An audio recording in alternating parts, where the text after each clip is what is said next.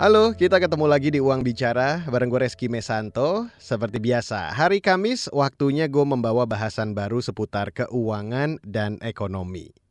Di episode kali ini gue bakal ngebahas topik yang hype banget di masa pandemi, yaitu seputar kesehatan mental, khususnya fenomena burnout. Ini sebenarnya bukan topik baru tapi relate banget ya di era pandemi karena tiba-tiba pola kerja, belajar, dan interaksi berubah signifikan.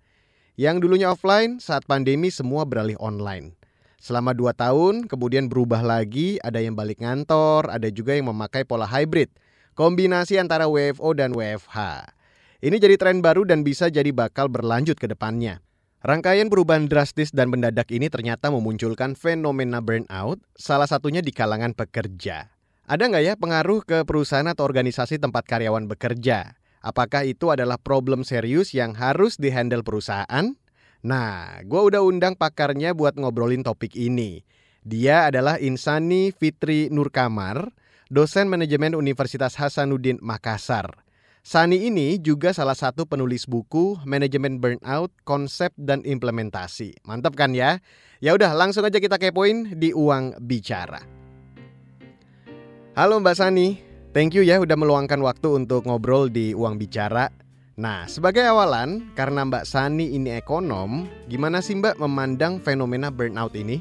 Kalau burnout itu adalah awal mulanya dari stres. Stres kan bisa banyak sumbernya ya kita katakan sebagai stresor. Nah, stresor ini ada dari individu, ada dari organisasi. Nah, kalau dari individu itu biasanya dari internal, uh, dari gaya hidup dia, dari kondisi finansial, dari keluarga, dari pola pikir dan sebagainya. Sementara kalau dari organisasi itu apa yang diberikan oleh organisasi sehingga menyebabkan individu ini stres. Ya, mulai dari beban kerja, mungkin lingkungan yang tidak kondusif, atasan yang mungkin terlalu otoriter dan juga uh, konflik peran dan uh, ambiguitas peran dan kemudian budaya dan sebagainya. Jika kesemuanya ini dialami oleh seorang karyawan itu secara terus-menerus berkelanjutan, lama-lama karyawan itu bisa menjadi uh, lelah fisik dan juga lelah mental. Ketika karyawan ini mengalami kelelahan emosional, nah itulah ini yang disebut sebagai burnout. Oke, jadi burnout ini bentuknya kelelahan fisik dan mental yang pemicunya bisa macam-macam. Itu berarti versi akut atau kronis dari stres ya Mbak? Uh, kalau stres itu masih level mild ya bisa dibilang seperti itu karena stres ada dua macam ada yang stres yang bisa memotivasi mereka untuk terus bekerja, tapi ada juga yang stres yang levelnya sudah apa ya, sudah terlalu banyak mungkin ya, sudah terlalu keras pressure-nya, itu bisa membuat mereka terdemotivasi. Mereka menurunkan produktivitas mereka. Nah, kalau kita bahas tentang burnout, itu tingkatan lebih tinggi lagi dari stres. Oh, gampangnya ada dua kategori stres ya, yang sehat dan gak sehat. Stres yang gak sehat kalau berlarut-larut bisa berujung burnout. Burnout sendiri nih Mbak, ada macamnya juga nggak? Nah sebenarnya itu ada tiga juga. Ada yang namanya wear out. Wear out ini mereka sudah berusaha bekerja dengan sebaik-baiknya, tapi mereka tidak mendapatkan penghargaan dari uh, atasan atau dari lingkungan, sehingga itu bisa membuat mereka malas bekerja. Pada akhirnya mereka menganggap bahwa ngapain saya kerja capek-capek tapi tidak dihargai. Dan kemudian yang kedua ada yang, ada yang namanya burnout klasik yang biasa, yang sering sekali karyawan lakukan adalah mereka memberikan effort yang terlalu besar dalam pekerjaan mereka. Jadi mereka mengorbankan kehidupan dunia mereka hanya untuk bekerja. Ini yang biasa banyak terjadi kan, yang kerja-kerja terus ya, lama-lama tipes kayak gitu. Dan yang ketiga itu adalah under challenge. Nah under challenge ini uh, mereka sudah merasa bahwa mereka tidak mempunyai motivasi untuk bekerja atau alasannya mereka tidak termotivasi karena mungkin tuntutan kerja mereka atau pekerjaan mereka dianggap terlalu mudah, kurang menantang, yang biasa dibilang lah kehidupan mereka terlalu mediocre. Bagi lo yang bekerja masih tergelitik ya sama jenis-jenis burnout ini. Jadi lo rentan burnout tipe yang mana nih? Ayo ngaku. Kita lanjut lagi nih Mbak Sani. Kalau di ekonomi, fenomena burnout atau mungkin stres di konteks kerja itu dianggap sebagai urusan individu atau perusahaan sih? Ada dua pandangan berbeda. Jadi ada yang menganggap bahwa uh, stres atau burnout ini adalah masalah individu dan ada juga yang menganggap bahwa stres atau burnout ini adalah uh, masalah organisasi. Jadi kalau organisasinya menganggap bahwa ini adalah masalah individu, uh, organisasinya akan merasa bahwa dia tidak perlu untuk melakukan intervensi atau campur tangan untuk mengatasi atau meminimal minimalisasi terjadinya ini. Tapi kalau organisasinya menganggap bahwa karyawannya adalah aset yang penting, yang menganggap bahwa jika karyawannya sejahtera, maka organisasinya juga akan sejahtera, maka mereka akan selalu berusaha untuk melakukan yang terbaik untuk karyawannya. Salah satunya dengan cara bagaimana mereka bisa menghindari atau mengurangi tingkat stres dari karyawan. Jadi ada pandangan yang terbelah ya, dan saya yakin di prakteknya juga demikian. Nah, tapi kalau menurut Mbak Sani sendiri, mestinya burnout itu dianggap urusan personal pekerja atau harus jadi tanggung jawab perusahaan juga? Ya, kalau menurut saya sih itu adalah masalah ke semua pihak ya. Karyawan di satu sisi mereka juga harus bisa bagian mengendalikan diri mereka sendiri. Mereka yang tahu kondisi tubuh mereka, ya kan mereka yang uh, merasa bahwa ketika mereka sudah terlalu lelah, ketika mereka merasa uh, terlalu stres, mereka harusnya bisa menahan diri atau mereka bisa mengalihkan pikiran mereka atau mereka bisa mengatasi stres mereka sehingga itu tidak mem, apa ya, memakan diri mereka dari dalam. Maksudnya itu tidak sampai membuat mereka depresi. Di sisi lain adalah uh, perusahaan juga harusnya mendukung karyawan tersebut. Ya mungkin jika karyawan tersebut itu sudah merasa bahwa mereka terlalu lelah bekerja mereka butuh waktu istirahat dan sebagainya. Perusahaan itu sebaiknya memberikan waktu break atau memberikan waktu istirahat, mengizinkan karyawan untuk cuti dan sebagainya. Nah itu juga salah satu cara yang bisa dilakukan oleh perusahaan. Oke, berarti perusahaan atau organisasi gak boleh abai ya dengan kesehatan mental karyawannya. Karena bisa jadi pemicu burnout ya dari kerjaan juga. Dan itu kan relasinya timbal balik atau saling mempengaruhi kan ya mbak? Kalau pekerjanya burnout, pasti mengganggu produktivitas atau kinerja perusahaan. Kalau berdasarkan penelitian-penelitian ya, itu pasti akan berpengaruh karena ya kalau karyawan sudah stres, sudah burnout, itu akan mempengaruhi pada produktivitas mereka, pada bagaimana mereka bekerja.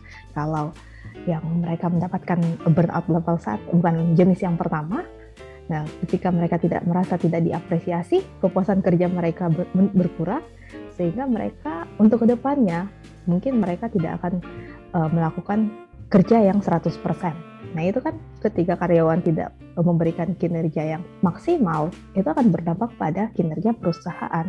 Karena kan kinerja perusahaan itu adalah cerminan dari kinerja karyawannya. Belum lagi kalau misalnya stres, itu kan masalah emosional. Tapi biasanya ada yang uh, karena emosionalnya itu berdampak pada fisik mereka mereka menjadi sakit, mereka menjadi sering tidak hadir, sering bolos. Nah, itu kan juga akan berpengaruh pada produktivitas kerja karyawan. Mungkin jika itu adalah pekerjaan yang mengharuskan karyawan standby di kantor selama masa kerja, ketika karyawan izin uh, absen, nah, nah itu pekerjaan akan terhambat. Nah, kalau tidak ada orang yang menggantikan itu, itu mungkin masa produksi ya kalau misalnya di, di bagian produksi itu akan molor. Kalau produksi molor penghasilan berkurang lagi.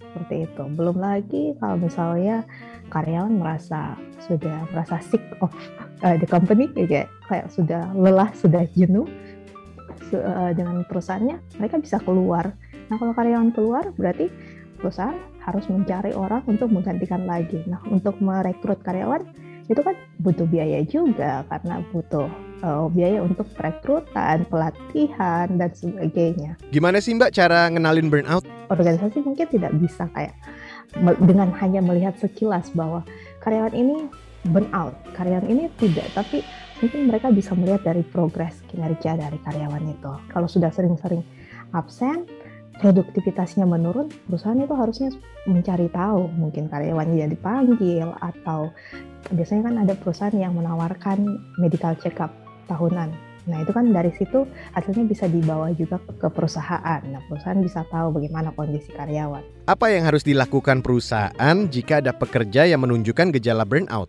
Di setiap perusahaan itu saya rasa ada divisi HR, ya, Human Resource, Nah itu yang akan menangani karyawan. Nah ketika karyawan mungkin uh, mengalami ada masalah, itu mereka akan berkonsultasi dengan divisi uh, human human resource dengan divisi SDM-nya. Nah dari divisi SDM-nya itu mungkin akan memberikan solusi-solusi atau mungkin hanya sekedar konseling saja kepada karyawan tersebut. Tapi yang sebaiknya yang dilakukan oleh perusahaan adalah bukan bagaimana mengatasinya, tapi bagaimana mencegah dari berat ini supaya tidak supaya tidak banyak karyawan mengalami itu. Jadi mereka melakukan tindakan pencegahan dulu. Mereka harus uh, meminimalisir faktor-faktor yang bisa membuat karyawan itu burn out. Oke, Mbak Sandi menggarisbawahi soal peran perusahaan atau organisasi untuk mencegah jangan sampai terjadi burnout. Ya seperti pernyataan umum tuh, mencegah lebih baik daripada mengobati, ya kan? Mengobati pastinya lebih costly ketimbang mencegah. Nah, berdasarkan hasil pemantauan Mbak Sani selama ini, ada nggak sih perusahaan atau organisasi yang sudah mempraktekkan manajemen stres di lingkungan kerja? Saya belum pernah ke kantornya tapi kayak kantor Google kalau dilihat dari kantornya saja itu sudah sudah dibilang sebagai kantor yang ideal bagi karyawan. Mereka punya tempat relaksasi mereka bisa karyawan bisa tiduran bisa ngopi dan sebagainya. Dan sistem kerja mereka juga mereka tidak harus bekerja di di meja kerja mereka sepanjang hari mereka juga bisa bekerja dari luar dan sebagainya. Ya kalau dari Indonesia rasa perusahaan-perusahaan BUMN itu cukup lumayan ya dalam hal fasilitas dan tunjangan. Jadi itu kan juga salah satu faktor yang bisa meningkatkan motivasi mereka, yang bisa mungkin membalas atau sebagai gantinya dari stres mereka. Ya mungkin pekerjaan mereka cukup banyak, tapi mereka mendapatkan gaji yang cukup besar. Kesejahteraan karyawan, kesejahteraan mereka itu terjamin. Uh, diberikan fasilitas untuk medical check up tahunan, asuransi kesehatan, uh, liburan berbayar, uh, jatah cuti tahunan yang cukup banyak, uh, gathering, dan juga uh, fasilitas lain yang membantu mereka di dalam bekerja atau menyeimbangkan kehidupan work-life balance mereka. Kalau berdasarkan contoh itu, nanti ada yang komplain, Mbak. Wah, berarti cuma perusahaan atau organisasi gede yang mampu menjaga kesehatan mental karyawannya kalau yang perusahaan-perusahaan kecil saya nggak tahu ya nama perusahaannya apa tapi ketika perusahaan tersebut itu mampu uh, apa ya, karyawannya merasa nyaman bekerja di situ mereka tidak merasa terbebani bekerja di perusahaan itu mereka bersemangat ketika masuk kantor. Itu sudah bisa dianggap sebagai perusahaan itu mampu me, mampu membantu karyawan mengelola stres mereka. Misalnya wirausaha, orang-orang yang memiliki usaha yang kecil misalnya jual-jualan. Mereka memiliki karyawan empat orang sampai lima orang yang ketika karyawannya itu uh, setiap hari masuk kantor, mereka tidak merasa terbebani. Mereka dengan senang hati masuk kerja. Mereka memiliki hubungan yang baik dengan rekan kerja mereka. Rekan kerja uh, juga suportif, cukup membantu mereka ketika mereka mengalami kesusahan. Ditambah lagi dengan pemimpin atau bos yang uh, murah hati atau murah senyum, yang murah yang gampang memberikan penghargaan, reward dan sebagainya.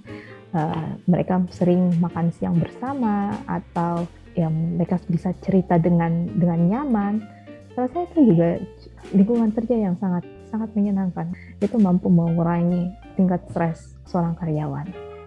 Oke, itu bukan jadi alasan ya soal besar kecilnya perusahaan atau organisasi. Ada juga yang mungkin ngomel, Mbak ngurusin kesehatan mental pekerja tuh costly banget, butuh anggaran. Uh, mengelola sumber daya manusia itu memang butuh modal yang cukup besar karena kita yang kita kelola dalam manusia ya dengan berbagai macam karakter, dengan berbagai macam kebutuhan. Jadi ah, memang butuh butuh banyak biaya dari proses SDM-nya sendiri. Ya iyalah, kan tenaga kerja atau SDM itu juga faktor produksi yang jadi jantungnya perusahaan. Masa malah nggak diurusin kesejahteraan dan well-beingnya? Mesin aja butuh perawatan rutin dan itu berbiaya ya. Mestinya manajemen stres, pencegahan burnout ini semacam jadi investasi kesehatan mental. Nah, ada pertanyaan yang pop up nih di benak saya. Gimana kalau misalnya ada karyawan yang terdeteksi memiliki penyakit mental? Baru ketahuan gitu misalnya setelah beberapa waktu bekerja. Apa yang idealnya dilakukan perusahaan? Idealnya adalah mereka memberikan konseling, mereka membantu mencarikan solusi apa yang bisa mereka lakukan untuk membantu mengobati ini. Mungkin mereka mereka menyarankan psikiater, mungkin ya psikolog.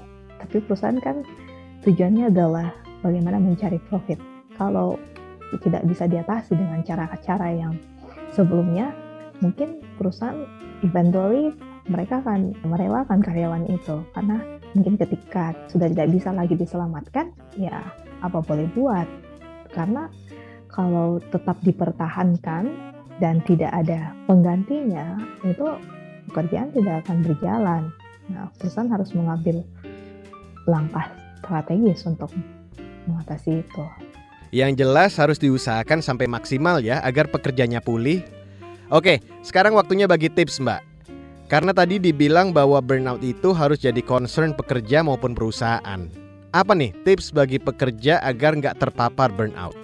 Bagaimana mencegahnya? Kalau dari segi individu ada dua macam ya. Ada yang namanya coping aktif dan juga ada yang namanya coping pasif. Nah, coping aktif ini mereka lebih fokus kepada masalahnya. Jadi dicari tahu apa yang menyebabkan mereka stres dan kemudian bagaimana mereka bisa meminimalisir stres tersebut supaya itu tidak akan terjadi di kemudian hari mencari support system yang bisa membantu menyelesaikan masalah mereka dan sebagainya yang coping pasif ini adalah mereka fokus kepada emosional mereka. Mereka mencari dukungan emosional dari orang lain, mencari simpati, mencari empati, eh, mencari support. Eh, mereka melihat dari arah yang berbeda. Oke, itu kalau dari sisi pekerja sebagai individu ya. Kalau dari sisi korporasi atau organisasi gimana? Nah, kalau dari perusahaan ya dianalisis kembali, direkonstruksi lagi bagaimana desain pekerjaannya, bagaimana struktur tugas, bagaimana pembagian kerja, dan kemudian pemberian kompensasi dan reward. Pelibatan karyawan juga penting ketika karyawan merasa bahwa mereka dilibatkan di dalam perusahaan, mereka menjadi anggota perusahaan, mereka akan memiliki tanggung jawab yang lebih besar pada perusahaan tersebut. Oke, itu tadi Insani Fitri Nur Kamar, dosen manajemen Universitas Hasanuddin Makassar yang udah nerangin panjang lebar soal burnout dan dampaknya pada perusahaan. Di bagian selanjutnya gue akan ngebahas soal cara mencegah atau mengatasi burnout sehingga kinerja individu atau korporasi bisa moncer. Jangan ke mana-mana ya, tetap di Uang Bicara.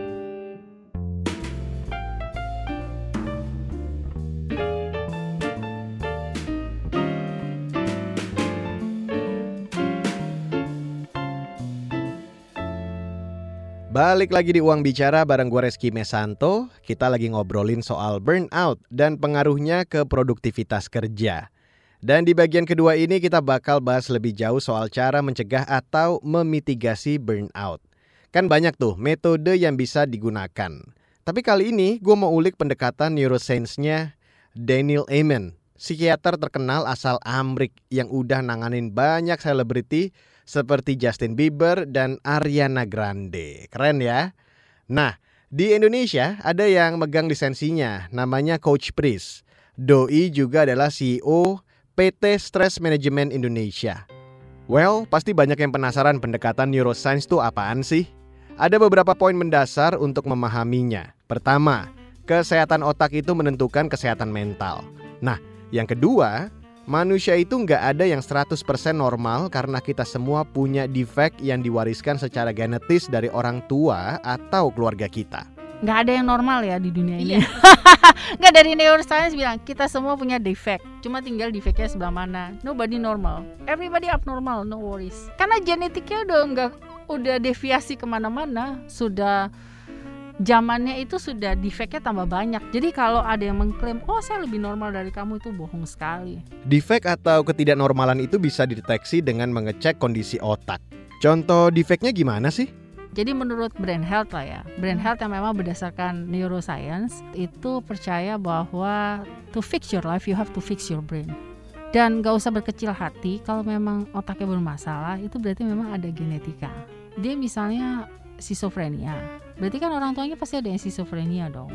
Atau mungkin kakeknya, neneknya pasti ada. Jadi itu 30%.